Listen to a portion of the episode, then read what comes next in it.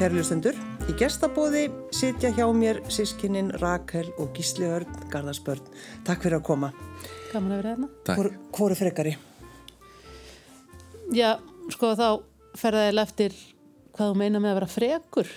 Já, þú meinar. Já, þannig að ekki að útskýra spurninguna betur. Já, ef við hugsim ykkur bara lítill. Já, ég held að þetta séu, við náttúrulega ölumst upp með að pappi okkar er félagsfræði kennari og mikill félagsfræðingur og, og mikill pælar í hugtökum. Og við höfum oft rætt alls konar hugtök og til dæmis þetta einhvern tímann að, að sko er oft talað um að kallar séu ákveðinar og konur séu frekar. Já. þannig að ef við göngum út frá þeirri skilgrinningu þá er ég klárlega frekari. En, en svo er bara búið að vinna mikið í þessum álefnum síðan þannig að ég held að við séum hvort frek. Ekki bara ekki eitthvað neikvægt ég held að við séum hvort frek. Hvað segir þú Gísli? Nei, við erum, ég er náttúrulega, ég er náttúrulega eldri þannig að ég uh, hafa náttúrulega svona líkamlega yfirburði kannski framann af. Uh, en hérna ég, við erum hvort frek. Já. Mm.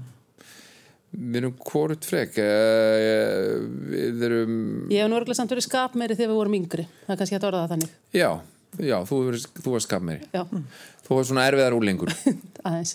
Uh, ég, ég var bara gemturinn í fimmleika deild ármanns. Já, það varst bara örugur þar. Alla í skólingu árun sko. um, Ég veit ekki, nei, við erum bara óskup þægileg held ég já, og okkur í... lindir vel saman. Já, fórst þú í fimmleika líka? Já, en ég var aldrei eins og gísli. Ég fóð með úta því að hann var í fimmleikum Ég held að mamma og pappa hefur bara þótt að það er að geta skuttla mér í leiðinni. En ég fann mig aldrei vel og gísliði en ég án alveg en þá nokkra vinkonur sem ég kynntist í fimmleikunum og, og mann alveg eftir í en þetta voru bara eitthvað 2-3 ára eitthvað sem ég var í fimmleikum en gísli var alltaf í fimmleikum alltaf. En eh, Rakel, hvenna mannstu fyrst eftir bróðinu? Um, ég, sko, mann eftir hann meðal fyrst þegar við flytjum aftur við ólumst upp í Nóri ég man eiginlega ekkert eftir þeim tímanum á myndum en svo man ég mjög vel eftir því þegar við flytjum til Íslands þá flytjum við að Eyjabakka íbúið sem amma okkur átti. Það við erum svona fjögur ára eða eitthvað. Og þá var Gísla alltaf að hjálpa mér og fyrsta tungumálum mitt var norska. Þannig ég kunni ekki íslensku. Og þá man ég eftir minningum að sitja og vera út að leika og þá var Gísla alltaf með að þýða fyrir mig. Í minningunum var alltaf, það hefur kannski verið einu sinni eða, en þá var hann að þýða fyrir mig sko, þannig ég geti leikið við hérna, hérna, hérna krakkana í, í blokkarkörfunu þá man ég fyrst eftir hún Hvað með þig Gísli? Hvernig mannstu fyrst eftir sérstuðinni? Guð, ég segi eins og Rakel sko ég, ég get ekki gert greinamun á milli minninga og, og 8mm filma sem að maður horfði á eða ljósmynda þannig að uh, og svo fyrir utan það þá man ég aldrei neitt um, Er það ekki svolítið slemt fyrir leikaran? Jú uh, Jú, ég menna að það var sko uh, sko bara, ég taka hliðarsögur sko, ég var að koma frá Nóri í gær og ég var að leika í norskri krimaserju og hérna þá ætti ég að syngja eitt lag eða þá ætti að syngja eitt lag. Mm. og ég hafði heilan dag til að læra það. Lag eftir hérna Bellmann sem að Fresvík, Cornels Fresvík syngur og hérna ég, sko allan daginn var ég að læra það á gítar, spila það, syngja það. Og svo bara í tökum, ég bara gat ekki muna það. Það bara ég náði ekki að fara sko, ég náði bara ekki að fara ég náði bara ekki að læra það. Kannski að það var sænsku það er svona aðeins, þú veist, það kom aðeins lengra frá mér en, en, en svona mitt svona comfort zone kannski. Um, en, en fyrir leikaran, jú, jú það getur verið erfitt en það er bara meiri vinna. Um, en ég, sko, ég svo, finnst þú nú bara kannski alltaf að hafa verið? Ég, já, ég man, ég barðist mikið fyrir því að hún myndir heita Marja mér fannst það svo flott nafn að því átt vinkonu sem að hétt sko Maríe á norsku, þannig ég held hún hétti Maríe En, og, og í þessum tón þá væntanlega? Já, Maríe en í staðin uh, þurft, hér, hún, en hún var skýður Rakel og, en nú er ég dóttir sem heitir Rakel Marja þannig að ég kom við inn setna sko. þannig ég, ég var þá bara frekur með mitt eigi en, en hafið einhvern veginn alltaf verið í takt? Nei, ég myndi ekki ekkert endilega Nei, nei, en það Þú veist, en samt, jú, við erum náttúrulega fjögur ára á millokkar, þannig að það náttúrulega eru einhver ár þar sem að þú veist, ég er úlingur, hún er krakki hún er úlingur, ég er orðin eldri og... Já, þar sem að við vorum kannski ekki jafn mikið saman Nei. en ég held að við höfum alveg verið í takt sko bara í einhverjuna, en við höfum bara ekki í takt á, við höfum ekki samast þróskast í eða Nei. í sa, sama hérna nei, við höfum alltaf verið náinn En og ég hef alltaf fengið að þvælast með honum samt sko. Ég, Já. hana, þegar ég var lítil og líka þegar hann var rúlingur, þegar hann var með einhvern vinnu sínum eitthvað, ég, ef það þurfti þá fekk ég alveg að vera með, já. Já, alltaf sko. og við, ég meina við byrjum snemma að vinna saman mm. við fórum að vinna saman alveg fyrir að, var ekki þegar ég hef með póstkortafyrirtækið 95 eða 4 eða... þá fóruð að vinna saman. var það póstkortafyrirtækið? Hvað er Var, það? var það fyrir eða eftir Noreg? Þannig að Rocky Horror. það fyrir, eftir Þá byrjuum við í Rocky Horror í Noreg. já, ég sett upp uh, framleiti sko Rocky Horror söngleikin í Oslo 1996 Já, það vinnan byrjaði 1995. 95 og þú varst að vinna þar hjá mér Þá var ég 18 ára eða eitthvað, já. og við hefum eiginlega unni voða mikið saman síðan þá Mhm. svo var póstkortafyrirtæki hérna heima og varstu svona þess, var- varstu erfið í skapinu þá var það fyrir Nóri? Nei, bara aldrei verið erfið í skapinu. Jú, býtu, ekki í skapinu en svona sko það Já, bara úlingur. það eða svona. það sem að, hérna, var smá villingur í þér er það ekki? Já, já, það hefur verið lengi. og hérna þá, þá hérna hérna við höfum, að, já, við höfum alltaf vunnið einhvern veginn verið mikið í kringum hvort annars svona vinnulega líka mm. eða svona hugmyndilega við veist, fá einhverja hugmyndir og gera einhverja hluti saman og hjálpast að Fáið oft sömu hugmyndina? Það held ég ekki. nei, Þeir eru ekki alveg, þeir eru ekki alveg í það, það miklum takti að þið bara þurfum alltaf að tala við hvort annað. nei, Nei. Við, erum, við erum alveg svona ég meina áhuga málun okkar er, er, við erum alveg sikkuri sko sikkur liðinni kannski sömu krónu sko þannig að við erum uh, nei, við, nei, eða mitt, nei Nei. Hvernig var uh, svona ykkar æska? Hvernig var þetta? Voru þið, þið voru í skólanum, komið svo heim, voru þið, voru þið svona likla börn eins og í gamla daga? Já, ég held að það hafa alltaf verið opið bara heima. Já. Meiri eða breiðoltinu á þeim tíma meiri breiðoltinu segja? læstu menn ekki hurðunum. En já, já, mamma og pappi voru bæði alltaf á vinnumarkaðinum. Þannig að við, hérna, réttum okkur bara. Þetta var náttúrulega, byggum í hlíðunum og þar var sunnukjör og þar vorum við bara með reikning. Þannig að Já. maður skrifa alltaf bara það sem maður vildi. Ég bara mikið að kjötfarsi. Stekti með mikið kjötfars á brauðin, alla sko, já. sítrúnsvala. Og, og tómatsósu? Já. Já, já, akkurat. Og skrifaði það alveg langið banir Og hvað, 50, ég ætla að fá 50 gram af kjöttfarsi var það þannig, já. eða 25 eða eitthvað þetta er einar minnum sem að, átti það búið Jú, jú, og, gast, og, getur það lítið að kjöttfarsi og hvað setja í vasan? já, já, já, já en svo bara bjargaði maður sér eitthvað bara. Já, en ég held að við hefum bara átt frekar eðlilega barnaðsku og, og bara allist upp bara eins og Já, ég fæ náttúrulega sem ári í Nóri sko alveg þá til sjö ára aldurs fyrst sem, þannig að ég mótast kannski meira af því en, en hún þannig að ég man svo mikið eftir einhvern veginn gönguskíðum út í skói mm. veist, út á hjól, svona þessi náttúru hann sækja hans í náttúruna já. sko. Voru það einhvern veginn aðra reglur, heimilsreglur uh, í Núri? Nei, þetta var náttúrulega allt voða frjálst bara á þessum tíma. Maður bara var komin heim kláðan átta eða hvað það var. Og annars var maður bara út af fyrir sig einhvern veginn. Eins og maður heldur að maður muni þetta. Já. Kannski ef þú fær mamma og pappa í viðtala Já, öðruvísi. þá kemur eitthvað, eitthvað allt það annar. var örugglega mjög stramt uppeldi og mjög skipulagt og Já, minningunni ægi á heimilinu. en, en þeim hérna það tókst allavega vel hjá þeim held ég við erum allavega bæði heil og, og hamingisum og, og hérna og ég allavega ekkert nema bara góða minningar úr, úr æsku. Þannig að ég held að það sé bara líkillin að þessu. Ég baði ykkur að velja fjögur lög og uh, byrjum á einu frá Nóri. Akkur veljið það? Sko, þetta er lag sem að eh, ég sett upp hérna fólkstafluti bæði hér heima í borgarleikusinu og í þjóðleikusinu í Oslo og hér í borgarleikusinu þá er einum stað spila lagið eh, hérna með Steppa og Eva eh, nínulagið -hmm.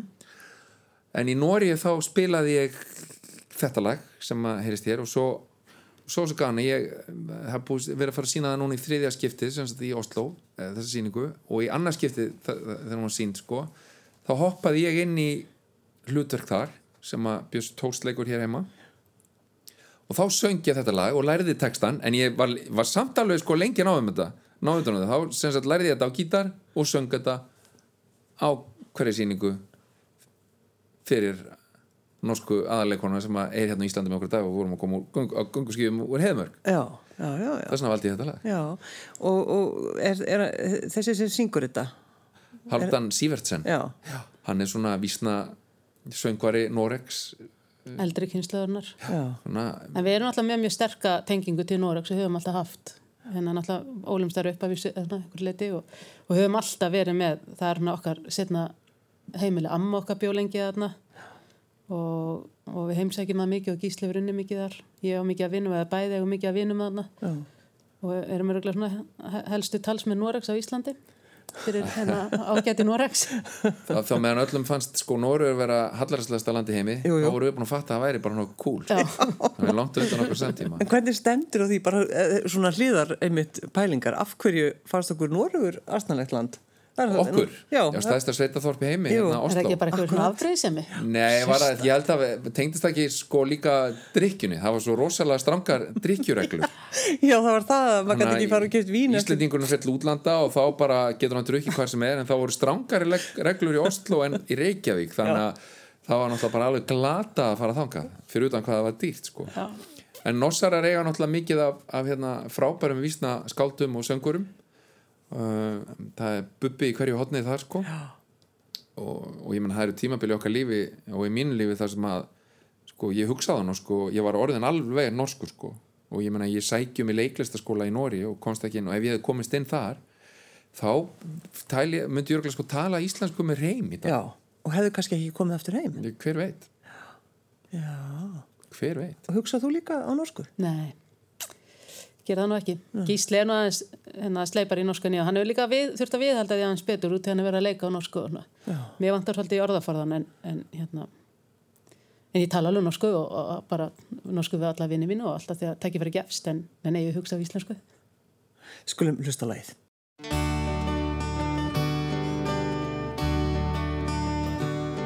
Når sommerdagen ligger utover landet Og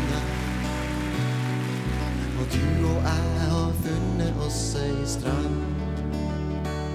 Og fire kalde pils ligger nedi vannet. Og vi er brun og fin og hand i hand. Når vi har prata om ei bok vi liker. Og alt er bra og ikke til å tru. Ingen er så god som da. Ingen er så god som du.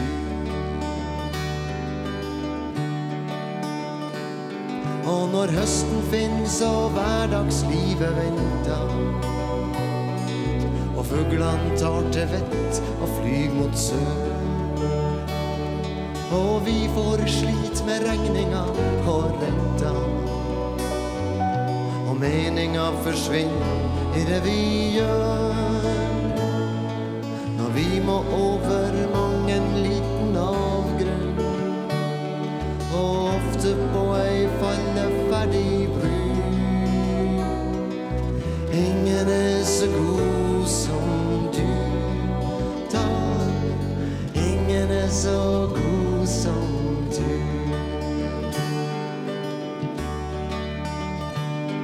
Men av og til når tegnene blir for tydelige, og dem som sitter med makta, gjør meg skremt. Når de fine ordene deres blir motbydelige, og tankene bak er jævlig dårlig gjemt.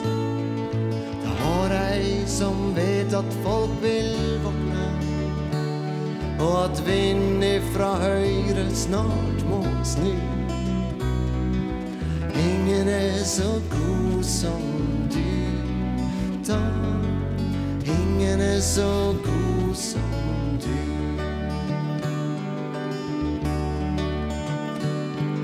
Og når jeg kryper til køy, så frys på beina.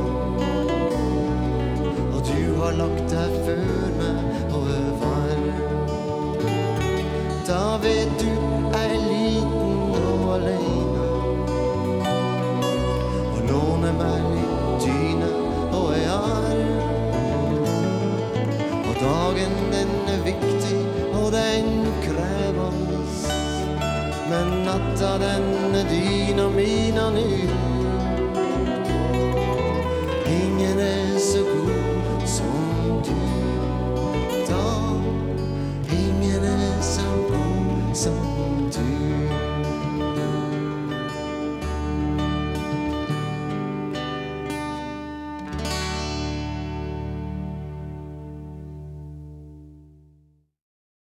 Hjá mér í gestabúði sitja Rakel og Gísli Örn, Garðarsbörn. Sko þegar þið farið að vinna svona mikið saman, hefur það alltaf gengið vel. Þú veist að ég sé að fá ykkur einhver bara til þess að tala um eitthvað neikvægt. Já. En það er bara einhvern veginn einstakt hvað þið hafi verið mikið að vinna saman. Og verið í þessu, þessu svona Hefur þetta skapandi. verið eitthvað drama? Ég held ekkert eitthvað svona Nei, nei, ég veit það Það ekki er náttúrulega alveg oft hár púlsinn þegar við erum að, en það er nú aðalega, sko, við erum frekar létt í lund, bæði sískinin og hérna, og það er nú oftar þannig að við nú ferðast um allan heimi til dæmis leiksýningar og um, og ég náttúrulega sko fór í leiklist og, og allt það en, en Rakel hefur nú ekki mikið verið í hún er ekki leikona og er ekkit í þessu og það er nú oft, það er nú oft henni en hún er oft verið svona að, að halda utan um kannski túrin þegar við að fara eitthvað. Og þá hefur nú oft verið mikið um drama sko eh, hjá Ekki fólki. frá mér Nei, nei, ég- en þá lægjum við, þá erum við frekar létt á því sko gagvart því. Mm. og við höfum svona húmor fyrir því. Þannig að við sjálf einhvern veginn missum okkur ekki. Nei, við erum ekki drosalega stressaða týpur Það er kannski bjargar þessu. Já, Þannig að við hérna, hérna leysum frekar bara það sem að kemur upp. Og vitum bara það, þú veist að og ef það er ekki hægt að leysa það þá bara reynum við að finna út hvað það er að versta sem að geti gerst í þessum aðstæðum og þá dílum við bara við það. En við erum aldrei að missa eitthvað skap eða gargóð nei, nei, við höfum, en við höfum alveg haft sko, þú veist, gargandi umbóðsmenn uh, utan úr heimi uh, yfir því að einhver í- íbúð var ekki nóg góð eða þetta var ekki, skilur við það er svona alls konar kröfur. Og svo mæti maður kannski til Suðu Kóri og þetta er maður, öðru sem að bjóst við kannski? Já, þú veist, þú getur ekki stjórnað eh, öllu sko. Sumt er bara öðruvís að maður held og, en uh, ég þetta nú allt verið bara farselt og, og nei, við höfum ekki en er, er, sko, er litið á ykkur í Vesturporti sem bara svona einhverja mafíu? Ertu að meina utanfrá? Já, bara, já, hér, bara, bara um, um, þú veist, Íslendingar og bara þeir sem eru í, í, í bransanum og svona. Eru þið bara einhvern veginn svona, verið einhver ein heild? Við erum klárlega einn heild en við erum náttúrulega ekki bara, það er náttúrulega svo margir þannig að kannski, eða fleiri allavega Ég Ég- upplifa, já, ég upplifa það ekki sko, það getur, getur kannski vel verið á einhverjum tímapunkti hafi verið einhver þú veist að við höfum verið eitthvað mikið ábyrrandi eða, eða eitthvað þannig og það við kannski farið í töðunar á einhverjum ég get alveg ímyndum það á einhverjum tímapunkti en ég upplifi upplifi ekkit annað en hérna sko jákvæðin í Garðis en við erum ekkit við erum ekkit að þvælast fyrir neinum. Veist, við erum í rauninu bara að gera okkar uh, á okkar eigin forsendum og við förum okkar eigin forsendum út í heim og við fjármögnum verkefni oft mjög oft í gegnum Erlend leikhús í, í, þannig að við erum oft heldur ekki að taka einhverja peninga frá einhverjum sem ætti að fá það annar. Uh, við erum uh, ekki búin að vera á neinum leiklistarstyrkjum í þú veist, 15 ári eða skilur, við erum ekki þannig að ég, ég, sko, við erum ekki fyrir neinum. Nei. ég held ekki. Nei, við bara siglum okkar sjó svona þegar, þegar við erum að gera okkar svona verkefni og, og reynum að frekar að að að hafa sem flesta með ef, ef, ef, þannig er, en svo náttúrulega eins og bara með alla sko, ég menna þú getur tek- tekið hvaða leikstjóra sem er hann vinnur oft með sama fólkinu aftur og aftur. Og það er þá eins í okkur ég menn ef ég er að leikstir einhver þá kannski oft sama fólkið áberandi og svo er það kannski komið heitir það Vesturport en ekki Gísla Örn er að leikstýra þessu Vesturport síning og þá er kannski oft sama fólkið en það er bara ég að velja með því fólki sem ég líður vel með og og auðvitað á maður oftar að brjóta það upp að því maður hefur gott að því líka en, en hérna, ég held að það sé bara almennt að fólk vinnur oft með sama fólkinu Já. En uh, Rakel, ef, í, í Vesturporti, hefur þú verið hvað, einhver, einhver framkvæmdastjóri eða hvað er það sem þú hefur verið að gera? Já, bara svona á skrifstofunni sko. Já. Ég þannig verið glætt að setja alls konar heiti yfir það en, en ég hef ekkert verið að gera það neitt. Hérna, bara einmitt, bara mismunandi og, og, og nú lítið þar núna er að sinna öðrum verkefnum en já, já, svona halda utanum haldið bara. Mm. það þarf alltaf einhver einn að vera á skrifstofunni. Það þarf að sinna alls konar svona skrifstofu vinnum í kringum framlöslu á leikhúsi. Og sérstaklega þegar við erum að fara erlendis mikið og náttúrulega mikið fara erlendis og, og það þarf að halda utanum fjármagn og laun og bara sé allt propst í staðar og einhver sem þurfa að sjá um það og það er marg þætt sem mm. er að hérna þannig ég hef nú verið svolítið í því. Já. En hvernig vissu þið að þetta væri eitthvað, Vestuport? Væri eitthvað í þessu? Já, við náttúrulega sko maður kannski hugsaður ekki þannig. Nei, það var náttúrulega var ótrúleg lukka, tilviljun hefni, hvað maður vil kalla það að sko bara fyrsta verkefni sem ég geri er Róma og Júlia og það fór til London og það fór á Vestend og það fór eh, um allan heim og þannig að það, það gerðist rosalega hratt að þetta varð svona einhverju, að þetta varð rosalega stórt mm. og mikið í umsöfum Ég man á koman eitthvað tímapunktur um fljóðlega eftir það.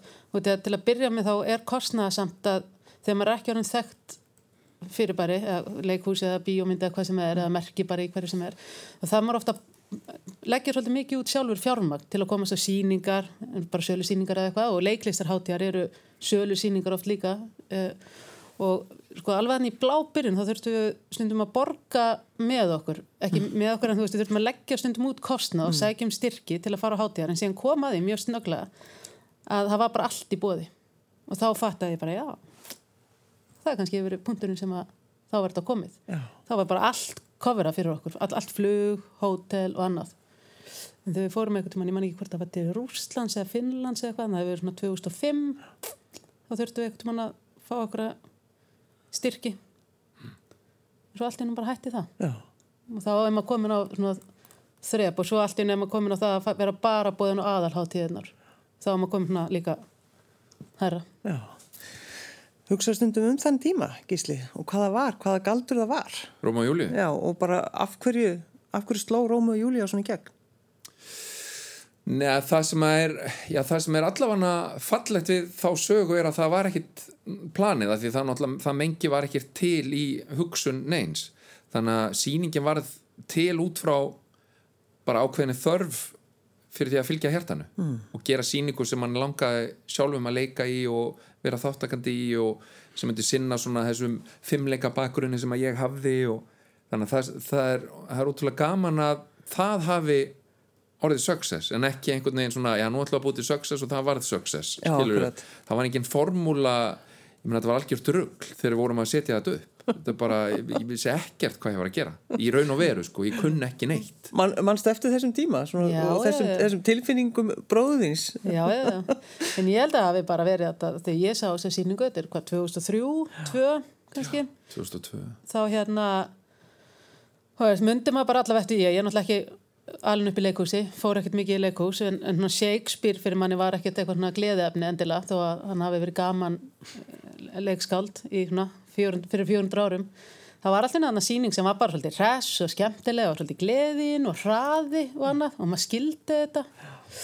Og einmitt var svona nýtt. Hinga til að maður bara sé eitthvað svona langdregnar Shakespeare síningar sem að engin nefndi á, eða kannski einhver en allavega ekki ég, í mínum huga nefndi engin að horfa á. Nefndi engin og ég var alveg fara á margar þannig Shakespeare síningar síðan eftir þetta líka og ég hugsa alltaf bara nennir einhver að horfa á þetta?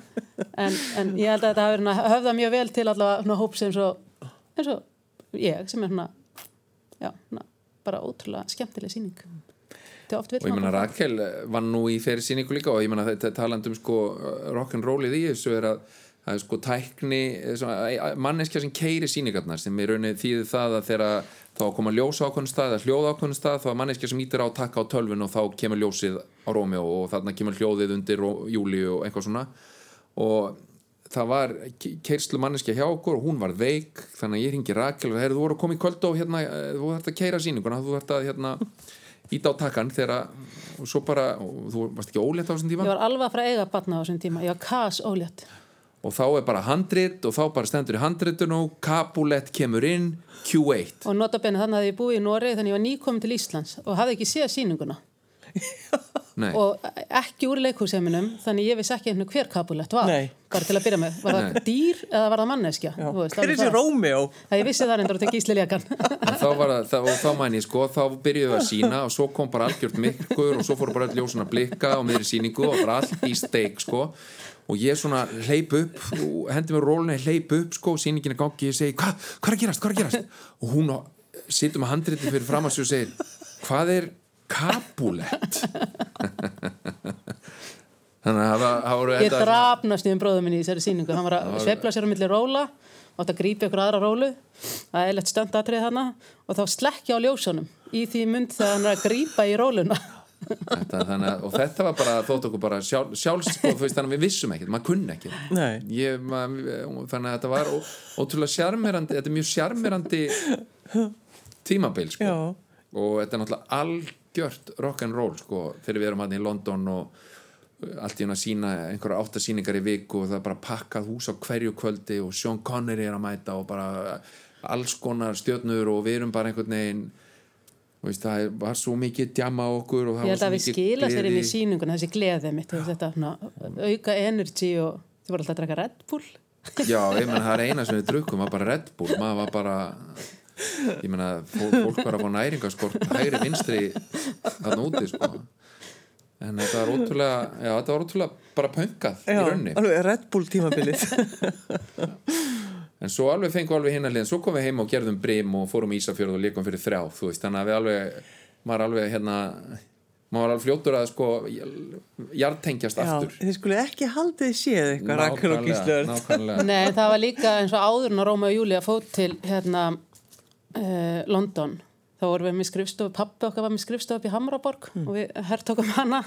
Út af því að það var alveg svolítið barátta. Út af þetta var nýtt verk og leikstjóri sem enginn vissi hver væri og þetta var litla sviðin í borgarleik svona, við vorum í svolítið bastli þarna að, að selja hana til að byrja með. Já, já, Með já. Brim, Nei, með Rómi og Júli með Rómi og Júli. svo fer hún út og svo kemur hún aftur heim og þá verður hún að þessum rosa success sem enda bara hún, hún var sínd hvað tíu árum setna og þá var sko þá var hún komin á stóra svið Já, já. og sæt út um allt bara 700 manna sæt, hérna salur. Þannig að já, þetta var, þú veist þetta byrjaði ekkit sem þetta var ekki overnight success, en þetta var overnight success í London. Já, algjörlega. Þegar við mættu þanga, því þá er þetta bara þannig að þú, við, þetta Young Vic leikús sem voru mjög, mjög þekkt leikús og bara, bara alvöru bransa leikús og, og við bara frumsýndum á ensku, allir að leika á ensku og uh, svo bara daginn eftir er bara dómari í 15 blöðum og þeir eru bara allir svona ljómandi hamingjusamir með sýninguna. Og þá bara þá bara sprakk allt út. Og þið bara sötrandi Red Bull og bara klíp ykkur í, í handlíkin. já og svo náttúrulega að- að sveifla sér rólum. Náttúrulega þetta var náttúrulega, þetta tók á sko. Þetta er rosalegt. Þetta var alveg geggjað. Þetta var létt geggjað. Næsta lag sem þið viljið. Þið voru að tala um Ellie og það kom okkur Rakel mjög óvart að hann Gísli Örn vildi velja Ellie. mikið surprise það Já. en það er allt mitt líf. Af hverju viltu það lag?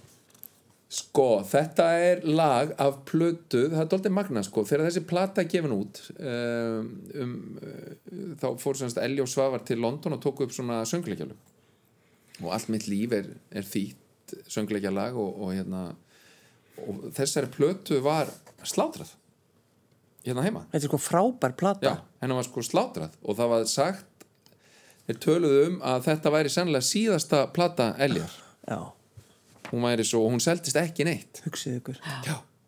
þannig að, og þetta er, ég menna það er meira að í sýningunni sko, sko rifrildi á millið þeirra hjóna eftir að platan floppar mm.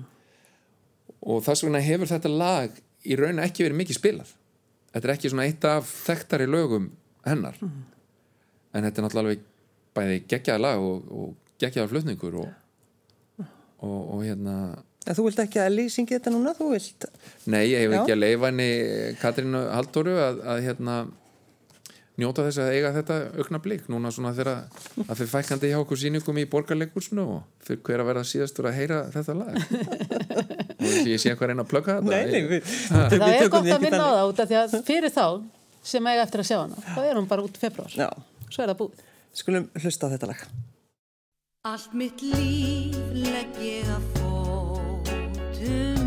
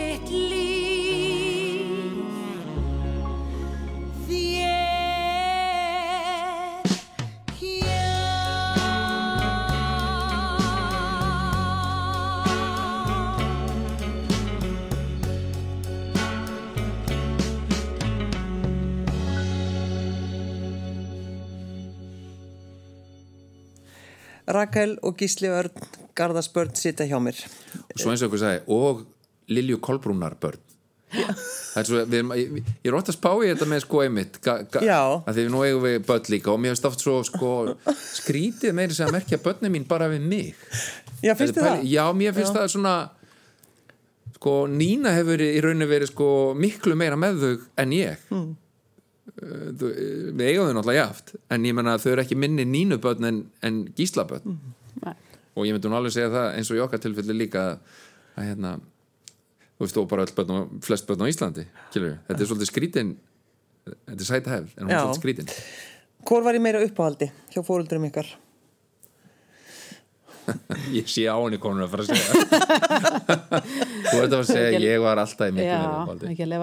Ég held að við skipts á tímabil Ég held ég að ekki verið uppáhaldi á hvoru þeirra menn ég var úlingur þá held ég að það bara, þá hafi gísla alveg átt gólfið sko, mm. þegar hann var svo þæg, þægur úlingur Já, varst þú semst mjög erfið? Þú ert nú búin að svona aðeins í að var Gísli. brjálaðar úlingur ef þú spyr fóreldra mína en mér fannst ég nú svona frekar bara En, en hvernig varstu brjálið? ekki brjáli, ég var bara forvitin á heiminn Frábært svar. Gísli, þú viltu varst hvernig svar? mikill djamari Já, já, í, í, í já og svona þannig, þú veist, og, þú veist og ég menna tó- þínar voru eins og ég sá það sko, þær voru þið voru, það var bara pönk í ykkur öllum. Já, og með voru mikið vinkonu hérna fyrirferða miklar læti í ykkur.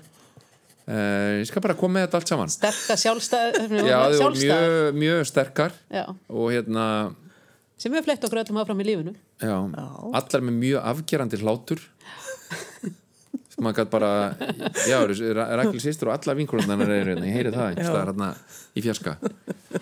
Þið voru svona nettur eins og ég man þetta það er allan að þið fór, fór, þið voruð ábyrrandi í, í þið voru ábyrrandi í íslensku nætulífi já. Að En- þá Er það ekki rétt- er það ekki rétt Jú, jú, en við vorum samt allar það fór enginn í neitt rugg þetta var ekki alls ekki neitt þannig sko. Nei. en við vorum bara mitt svona hérna, ábærandi karakterar og, og hérna, sjálfstæðar og vorum bara hressar og komast gaman að upplifa lífið og allt innu voru bara alls konar þið voru í rauninu bara eins og maður á að vera. Já, ég held það nefnilega. Já, þannig að þú varst þá kannski eitthvað skrítin eða? í raun og veru, já, ég sko ég eiginlega, ég sko ég verð að segja það að ég eitti sko rosa miklum tíma í fimmleikasal og tók því of alvarlega ef ég svona bara horfið tilbaka þú veist, ég var, ég hætti ekki að æfa fimmleika fyrir ég er sko 22-30 ára gamall. Og, og hérna og ég menna ég hef alveg skilið að ef ég hefði gett orðið sko eins og einhverju fótballtamenn sem að fá 100 miljónur á viku veist, ef, ef, ef þetta hefði meikað einhvern sens en það meikar engan sens. Skilur það er ekki eins og ég sé einhvað að fara að vinna einhverja rúsa eða kínu, þetta er bara þetta er bara bull. Og þú veist, náttúrulega æðislegt að vera góð form og ég ég geti gert alls konar að, með líkamannámið sem aðri get ekki. En að vera einhvern veginn lokarinn í fimmleikasal fjóra tíma á dag, alla æskuna öll úlingsárin, veist og bara í rauninni early adulthood eins og ég segja sko. Þú veist, ég misti alveg úr bara ég misti úr félagslíf og ég held að þess vegna blóm, fór ég leiklist og, og svona einhvern veginn blómstræði þar held ég að því að það, var bara fyrir algjörlega tilviljun í háskólanum í Oslo að ég fer í leiklist bara í stúdentarleikús þar. Mm. uh, löngsaga en það var bara ákveðin, ákveðin hérna það var svona prank eða svona brandari sem að gerður á minn kostnað sem að, að enda í stúdentarleikús í Oslo. En þá var svo gaman. Þetta var svo mikið félagslíf veist, það var að vera að djamma eins og maður á að gera bara skilur, og það var bara gaman að vera til og vera sko taka hausuna þess út úr sandinum og horfa í kringu sig. Og það, mér finnst ég að hafa gert það sko of seint ef eitthvað.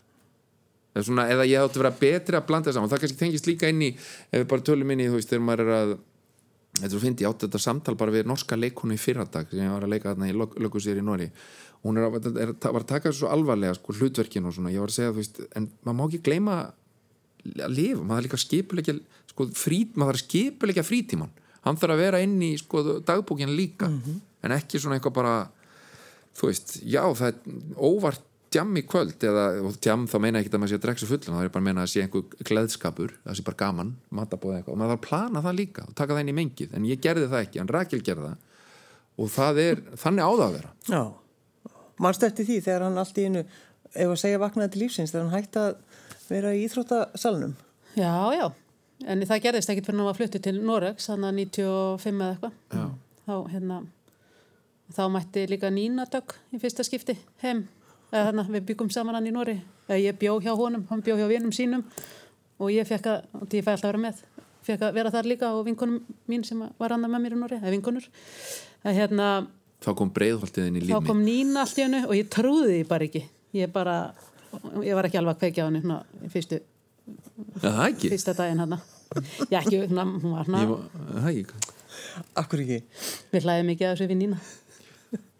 Bara, þú veist, ég var bara með snóðað hár og í hermannaklásum og bara, þú veist, og hún var bara í einhverjum, hún var bara öðru í sig, bara einhvern blómakjól glómakjól og, Já, já, já. og hérna, það, en það var náttúrulega að ég vissi eitthvað. að hún væri úr breiðoltinu og átti sína djamsu alveg líka, sko. Það kom síðan bara hann að viku setna þá sætti ég mig við hann og við hefum verið eins og sístur síðan, en, en þetta var mjög fyndið. Ég var kannski bara búin að gefa mér í hugalund að Gísli myndi koma aðra konu heim, öðru í sig konu, þú veist, öðru í sig, það var kannski meira það. Það var ekki típan sem ég bjóst þegar Gísli myndi byrja með. Nei. Ha- Hafið þú ágjur að því hvað, svona, hvað Rakel væri að pæla í sambandi við Nínu? Nei, ég held að það nú bara farið fram hjá mér sko. Já, já. Þið var alveg sama. Já, Ég, ég rætti bara þetta bara við nínu sko. Við ræðum yfirleitt bara það sem að við þurfum að ræða við hver aðra. Við látum gísla alveg vera ekki part af því. Nei, nei, ég hefði sko, samkvæmt formúlinni þá hefði ég endað með sko norskri konu sem að ætti sko norskan búnað, bunad, eins og maður segir Þjóðbúningin. þjóðbúningi norska og væri frá, þú veist þelamörk Já. og hérna Og þið væri bara alltaf á gönguskífum og eitthvað. já, Og, var og, og ég væri, ég væri hérna vestur Evrópu fræðingur eins og ég var að læra í háskóla í, við háskólan í, í Tromsö Já, færi kannski einstakar sem ég viðtöl. Þess að Já, tala eitthvað já. um það. Já. Þannig að ég, þetta var svona það, ég, þangað, þangað, ég, ég stemdi mjög hratt þangað held ég Já. það hefði orðið bara svona alveg disaster sko. Og þá kom bara breiðoltið, bankandi upp á, í blómakjól Í já, og, og stúdentarleikhúsið og. Af því ég hafði raun aldrei sko neitt sérskan áhuga á leiklistinni það var bara gaman að vera í félagskapnum Já.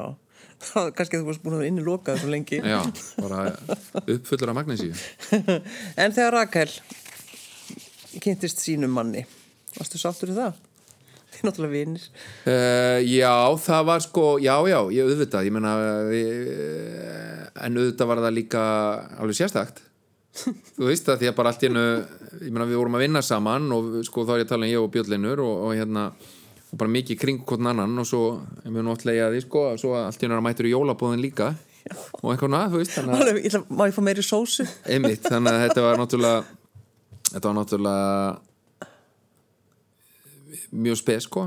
Eða þú veist, ekki mjög spes en þetta var alveg svona ha, og ég held líka að ég hafi verið síðast til þess að vita það, Já, það var bara allir vita það nema ég, Já. En fó- fóruð eitthvað í töðunar á þér? nei, nei.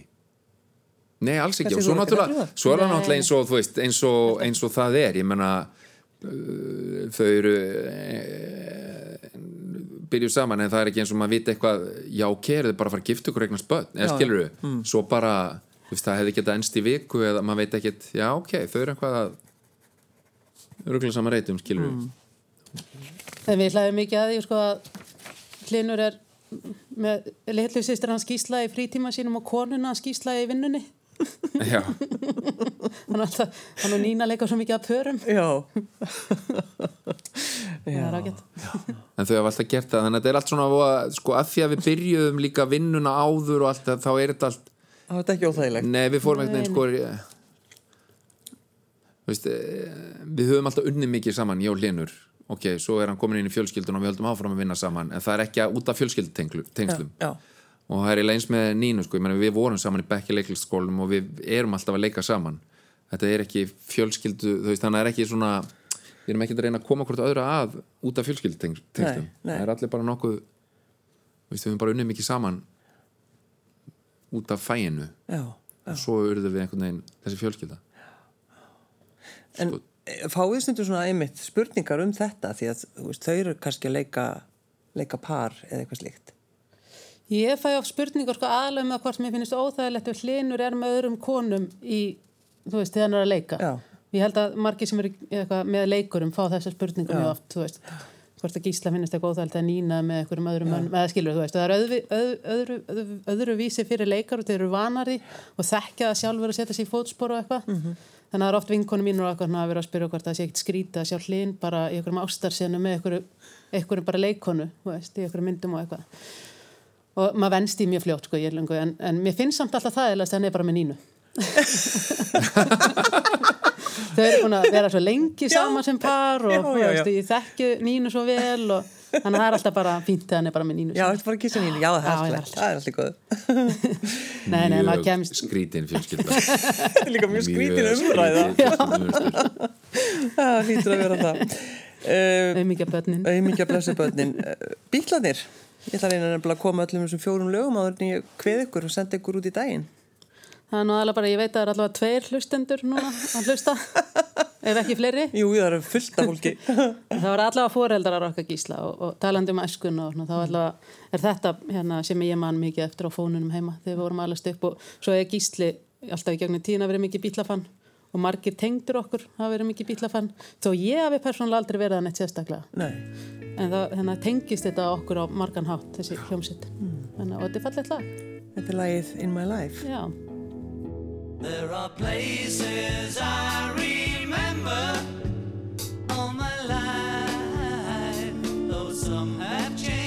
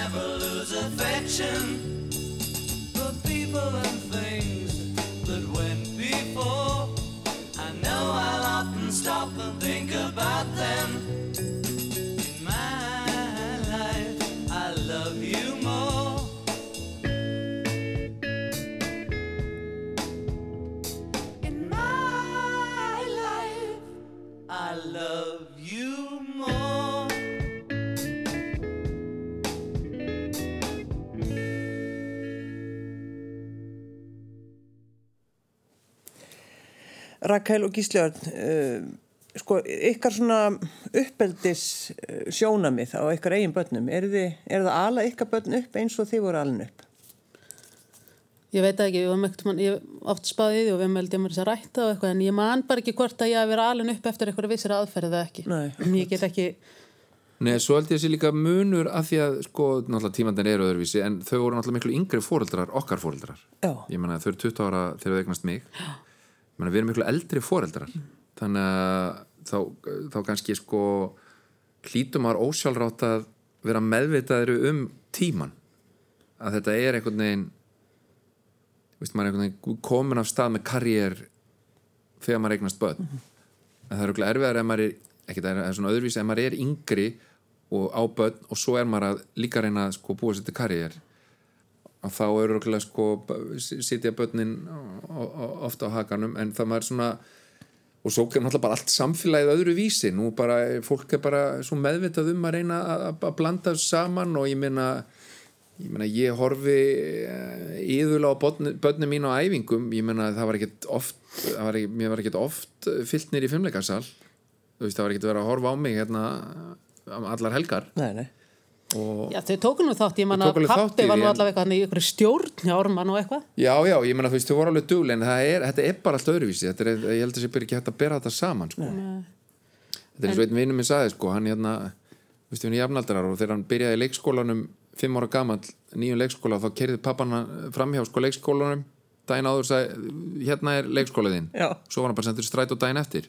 Og hann vissi ekki að ætti ít á stopp sko, til þess að strætó myndi stoppa. Þannig að hann satt bara í strætó sko heila ring þetta myndi náttúrulega ekki gerast í dag er þannig var það bara eðlilegt Nú er alveg marga daga og þurfa, þurfa lærin á þetta. Já. svo. Já.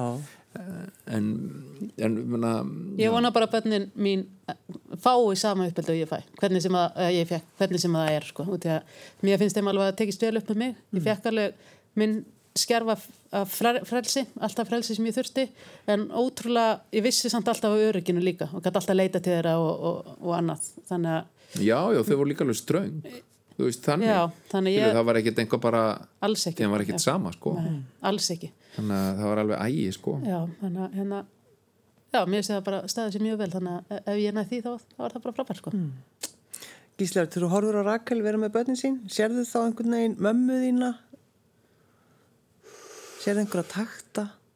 nei, ég get ekki sagt það. Uh, sko, mamma er miklu rólegri en sýsti mín og sýsti mín er miklu örari og svona kannski kærulausari. Um, en báðu fóreldra minni sko.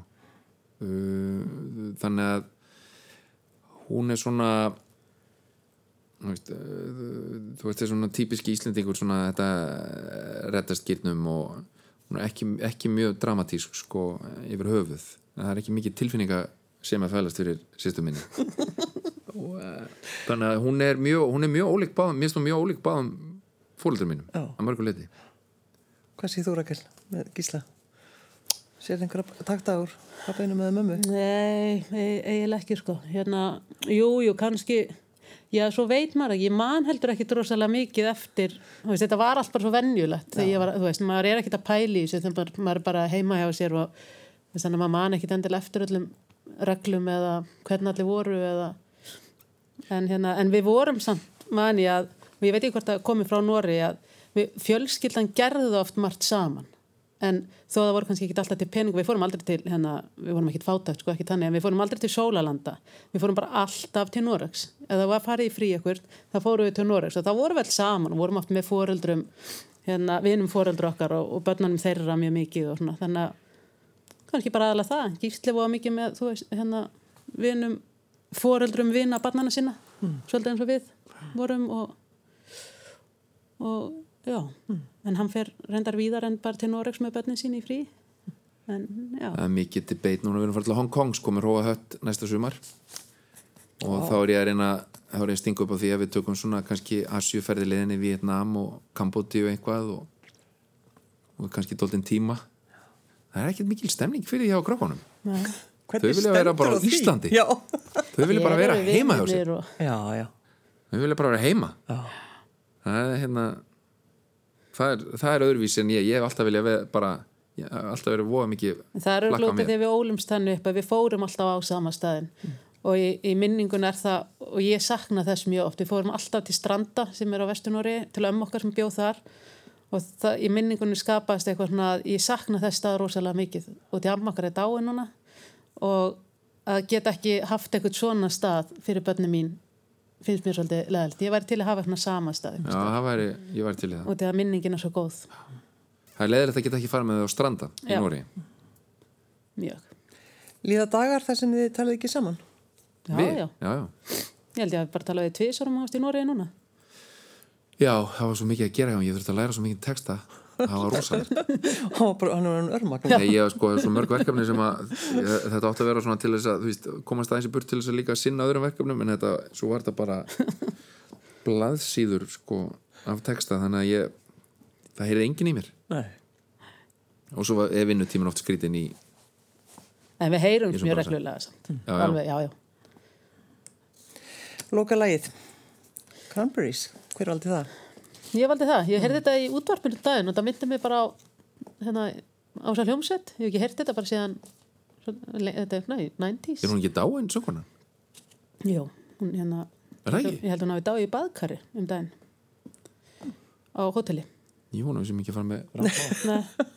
En hérna, Það kemur þá í ljós. þetta er bara, þá myndi ég bara hvað þetta er gott lag og, og geggja lag og hérna, hún ótrúlega flott sönguna og bara minningar hérna, tónlist, tónlist skapar svo mikla minningar alltaf. Með að þetta hérna ég vissi að þú myndi spyrja okkur út í úlingsárin og, og æskuna þannig að þetta fannst þetta viðandi þetta heitir When You're Gone og þá erum við, þá, við erum að fara.